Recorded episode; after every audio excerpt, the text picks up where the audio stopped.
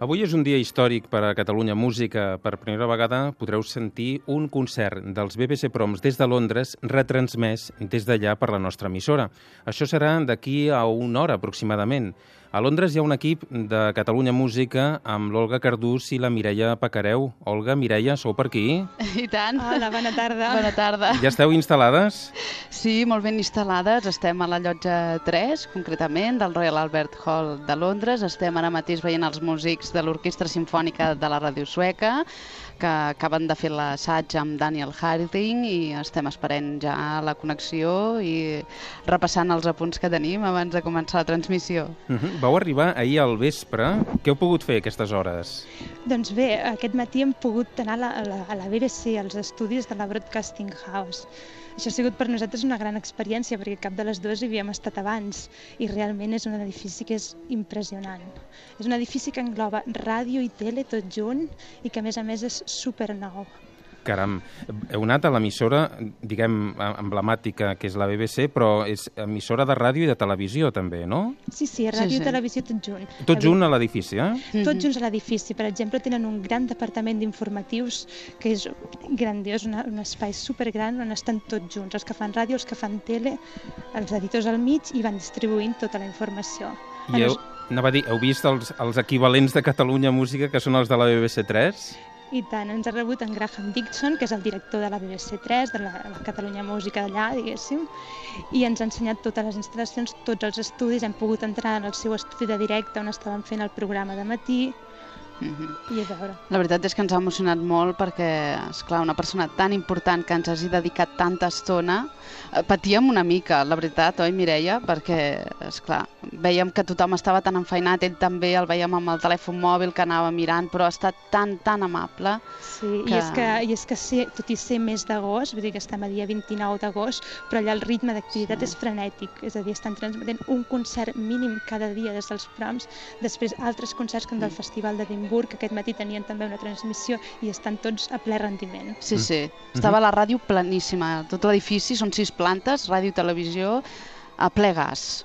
Crec que podríem explicar una mica als oients com neix aquesta història. Què fa que aquest any, perquè Catalunya Música és a la UER des de fa, si no m'equivoco, 5 o 6 anys, com és que aquest any retransmetem, retransmetem aquest concert dels proms, Mireia?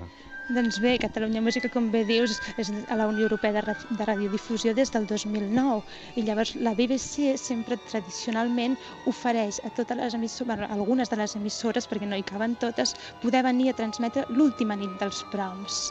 A nosaltres, en, en aquest cas, aquest any no podíem venir, aquesta última nit dels proms, no podíem transmetre-la, de manera que ens van convidar, ens van donar aquest concert com a alternativa. I va ser així com que no ho havíem fet mai, que vam aprofitar aquesta oportunitat i fer d'avui doncs, una transmissió ben especial. Caram, que bé. O, Olga, et sembla que comentem una mica el que podran sentir els oients de Catalunya Música d'aquí a una hora exactament? És una obra d'aquelles, Olga, que sempre ve de gust sentir en directe, no? Sí, correcte, Pere Andreu. És una de les obres més monumentals i més espectaculars de la història de la música, podríem dir, pels seus efectius i també perquè és una obra que es pregunta si hi ha vida després de la mort i també quin sentit té l'existència humana. Es tracta de la segona sinfonia, Resurrecció, de Gustav Mahler, una obra que va tenir una gènesi llarga. Mahler va necessitar sis anys per, a, per compondre-la i bé, avui la podrem escoltar amb uns intèrprets excepcionals. Dirigida per Daniel Harding, oi? Exacte, exacte. M'explicaves abans de marxar una anècdota molt divertida, no? Sí. O, vaja, si més no, serà una nit especial per Harding, oi? Sí, correcte, sí, sí.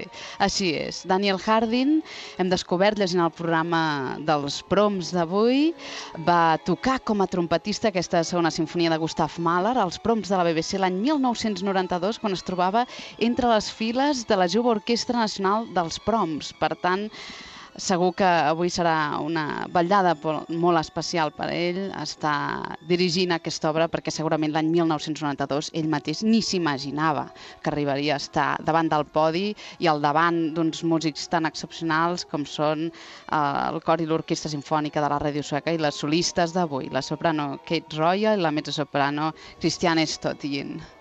Doncs ja ho sabeu, avui a dos quarts de nou tindrem aquesta transmissió en directe que ens arribarà des de Londres amb els comentaris de l'Olga Cardús i l'assistència de la Mireia Pacareu. Mireia, Olga, moltes gràcies i bon concert. No, Gràcies. gràcies a tu, sobretot per fer-nos un, un forat al teu programa que ens ha acompanyat tan bé aquest estiu, Pere Andreu. Ens ho hem passat molt bé Un plaer. Bon concert. Gràcies. Adéu. Adéu.